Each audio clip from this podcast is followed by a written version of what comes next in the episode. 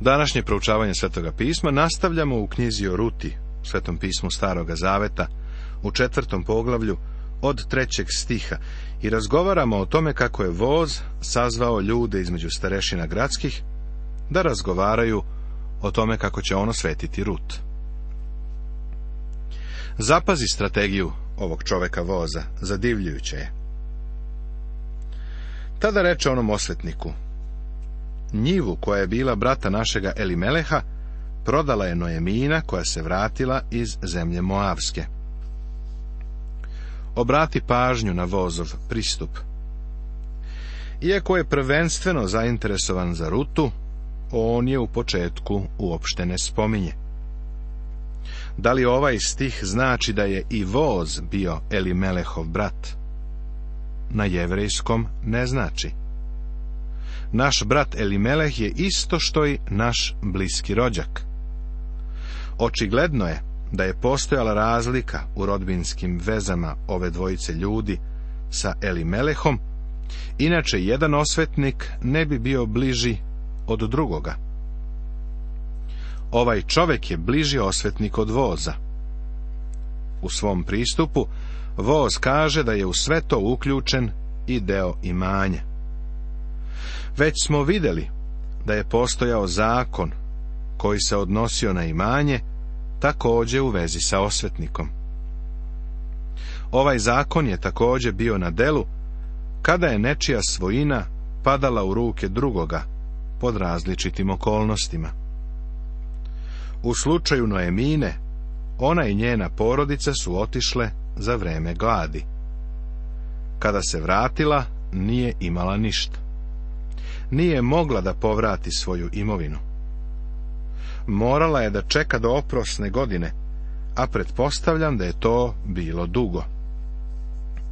Ali šta će se desiti? Da li će istupiti osvetnik? Voz pažnju ovog drugog osvetnika privlači ne na rutu, već na imanje koje je pripadalo Elimelehu. Želi da zna da li ovaj drugi osvetnik hoće da otkupi to imanje. Mislim da je ovo logičan korak. Imanje treba da se otkupi pre nego što se otkupi osoba. Sada voz kaže. Zato rekoh, da javim tebi i kažem ti, uzmi njivu pred ovima što sede ovde i pred starešinama naroda mojega. Ako ćeš otkupiti, otkupi. Ako li nećeš otkupiti, kaži mi da znam. Jer osim tebe nema drugoga koji bi otkupio, a posle tebe idem ja. A on reče, ja ću otkupiti. Drugim rečima, voz ovom čoveku daje prvenstvo kojemu i pripada. Postavlja se pitanje, da li ovaj čovek želi da bude osvetnik? Da li hoće da otkupi to imanje, da bi se ono dalo Noemini, pre nego što nastupi oprosna godina? Vrlo je zanimljivo to što ovaj drugi čovek odgovara potvrdno. On kaže, da, otkupit ću ga. Očigledno je da je reč o velikodušnom čoveku koji je spreman da učini deo rođačke dužnosti. Da je odbio da bude osjetnik, smatram da bi to izazvalo izvesnu dozu kritike, odnosno da bi mu nanelo u izvesnom stepenu sramotu. Kada se ovaj čovjek složio da otkupi imanje, mislim da je vozu srce sišlo u pete, ali nije odustao. Pripremio se za ovu mogućnost, pa je bio spreman da otkrije da je ovo slučaj koji u sebi sadrži nešto više od komada imanja. A voz reče, u koji dan uzmeš njivu iz ruke Noeminine, treba da uzmeš i Rutu Moavku, ženu umrloga, da podigneš ime umrlome u nasledstvu njegovu. Ovo kao da je voz rekao, pa zaboravio sam da ti kažem da ima još nešto u vezi sa ovom njivom, a to je jedna mala prepreka koju treba prevazići.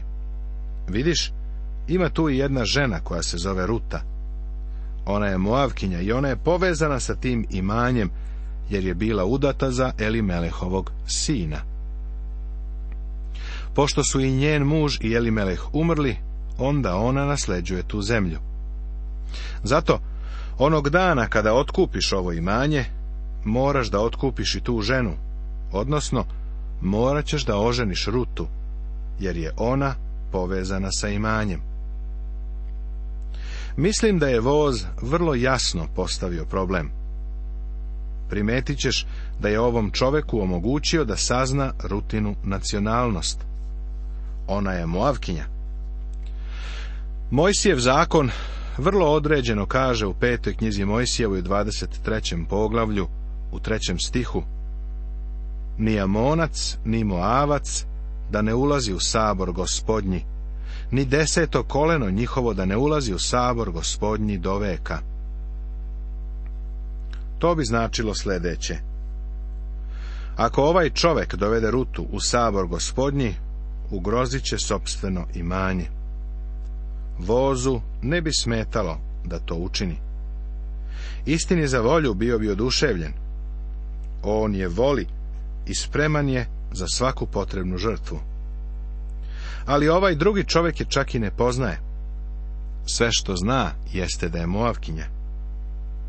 Uprkos onome što je možda čuo, on svakako nije zainteresovan za to da je oženi, pa to jasno izražava. Tada reče onaj osvetnik, ne mogu otkupiti, da ne raspem svoga nasledstva. Otkupi ti što bi trebalo da ja otkupim, jer ja ne mogu otkupiti.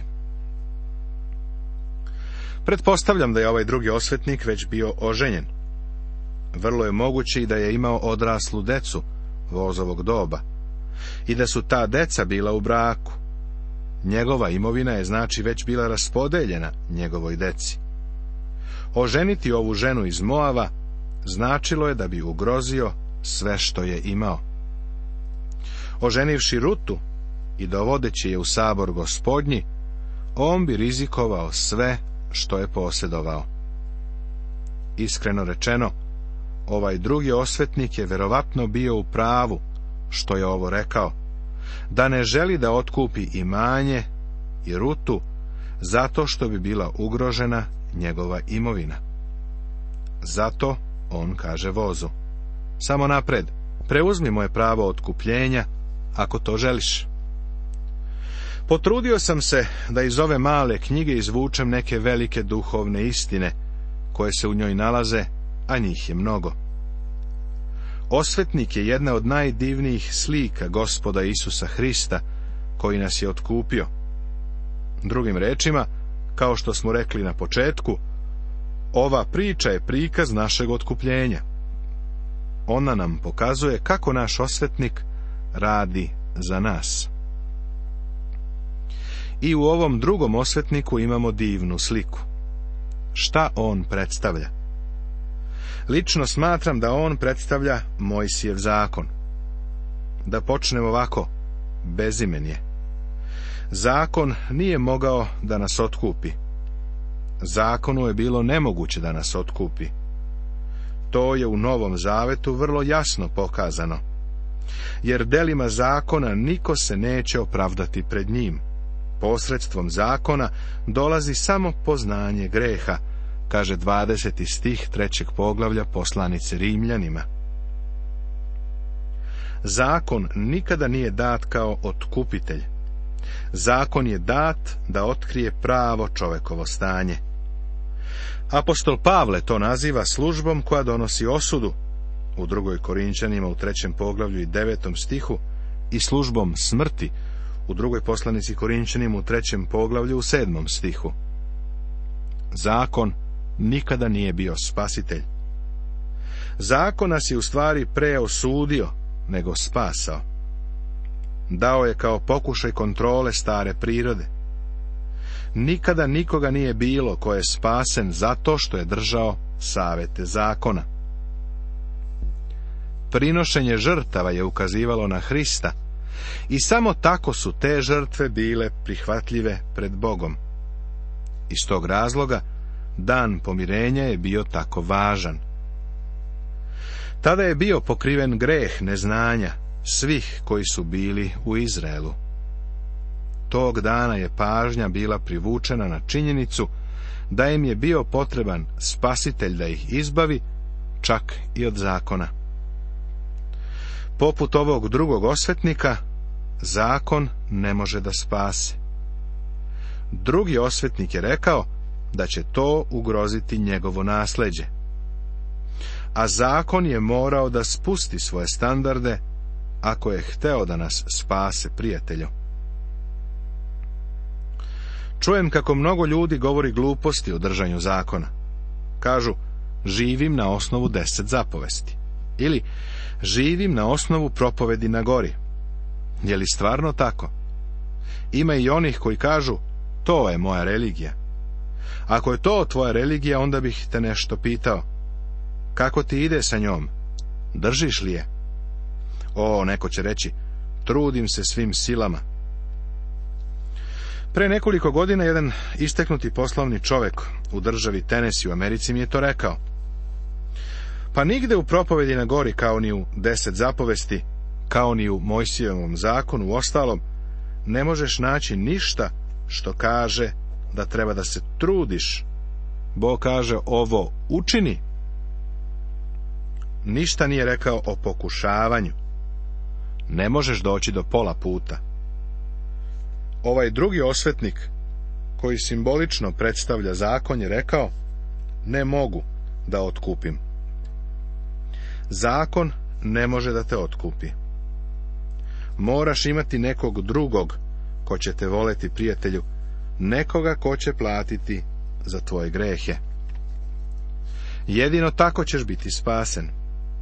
Ne možeš ispuniti Božje standarde. Ti i ja nismo u mogućnosti da ih dostignemo.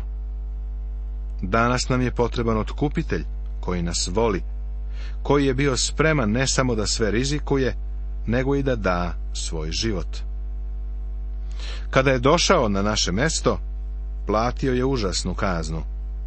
Umro je na krstu radi naših greha. Da bi napravili neki obavezujući ugovor, bilo je neophodno da se poštuje sljedeća neobična procedura a beše od starine običaj u Izraelu o otkupljivanju i promenjivanju, da bi svaka stvar bila tvrda, da jedan izuje obuću svoju i da drugome, i to beše svedođba u Izraelu. Pošto smo se ponovo vraćali na petu knjigu Mojsijevu na 25. poglavlje, setit ćeš se da tamo stoji da žena treba da mu skine cipelu i pljune u lice pa drago mi je da mu voz nije pljunuo u lice, ali mu jeste izuo cipelu. Vidimo kako u celoj ovoj situaciji voz zauzima rutino mesto. On radi umesto nje. Umjesto nje on izuva cipelu drugom čoveku, pa mu ruta tada postaje žena. Skoro svima u ovoj maloj knjizi sam dao ime, pa imam jedno i za ovog drugog osvetnika. On je stari bosonogi. Izgubio je cipelu. Znaš, jedino nas evanđelje obuva. Obujte noge pripravnošću na evanđelje mira, kaže 15. stih šestog poglavlja poslanice Efescima. Stari zakon, prijatelju, je bosonog. Uopšte ne može da te spasi. Kada dakle onaj osvetnik reče vozu uzmi ti, izu obuću svoju. A voz reče starešinama i svemu narodu, vi ste svedoci danas da sam otkupio iz ruke Noemine što je god bilo Elimelehovo i što je god bilo Heleonovo i Malonovo. I da sam uzeo za ženu Rutu Moavku, ženu Malonovu, da podignem ime umrlomu u nasledstvu njegovu. Da ne bi poginulo ime umrlomu među braćom njegovom, i u mestu njegovu. Vi ste svedoci danas. On prvo otkupljuje imovinu. Zatim otkupljuje rutu. On obavlja ono što radi osvetnik i ona mu postaje žena. Čini to jer je voli. Pošto voz ukazuje na gospoda Isusa Hrista, našeg otkupitelja, vrlo je važno uvidjeti da je on radio nama u korist. Sada voz poziva ljude da posvedoče činjenicu da je on otkupio ne samo imanje, nego i rutu, malonovu udovicu. I sav narod koji beše na vratima gradskim, i starešine rekoše, svedoci smo, da da gospod, da žena koja dolazi u dom tvoj, bude kao Rahilja i Lija, koje obe sazidaše dom Izraeljev. Bogati su u Efrati i proslavi ime svoje u Vitlejemu. Stanovnici Vitlejema se raduju zbog ovoga, jer je ova devojka, iako je bila tuđinka, izgnanik, što nam je dva put rečeno, sebi izgradila divno ime u Vitlejemu. Bilo je očigledno da je ona kao Moavkinja podnela ogromnu žrtvu, da bi se pouzdala u Boga njenog spasitelja. Svoje vreme nije trošila jureći unaokolo za muškarcima. Voz je to primetio. Sećaš se. Utisak koji neke današnje devojke ostavljaju jeste da počnu da izlaze čim mogu, a onda jure momke, sve dok jednog ne zgrabe i udaju se. A onda se čudimo zašto ti brakovi nisu dobri. Rizikujem da ću zvučati strašno staromodno, ali i dalje mislim da je muškarac taj koji treba da juri. Muškarac je uvek otkupitelj, a žena je primalac. Bog ih je tako stvorio. Zato on i kaže čoveku, muževi volite svoje žene. U poslanici Efescima u petom poglavlju u 25. stihu. Nije to obrnuo i rekao ženama da vole muževe. Neko će pitati, zar se to ne pretpostavlja? Da, naravno, ali ona samo uzvraća. Ona treba da mu uzvrati. Ako on nju voli, ona će voliti njega. Ako je on tretira grubo i okrutno, ona će postati hladna i ravnodušna i ljubav će zamreti. U većini slučajeva, a godinama sam savjetovao doslovno stotine slučajeva sa bračnim problemima, muškarac je krivac. Vidiš, on je odgovoran jer je vođa. Kao što muškarac izabere ženu da mu bude nevesta i kao što je voz izabrao rutu, tako je i Hristos došao na zemlju radi svoje neveste. On je pokazao svoju ljubav tako što je umro za nas. Mi uzvraćamo, uzvraćamo na njegovu ljubav. Primamo ga kao spasitelja, a potom ga upoznajemo. O, prijatelju, to treba da bude ambicija svakoga hrišćanina, da upozna Hrista. Poštovani slušaoci, u našem sutrašnjem nastavku završit ćemo naše razmatranje knjige o Ruti, svetoga pisma Starog Zaveta.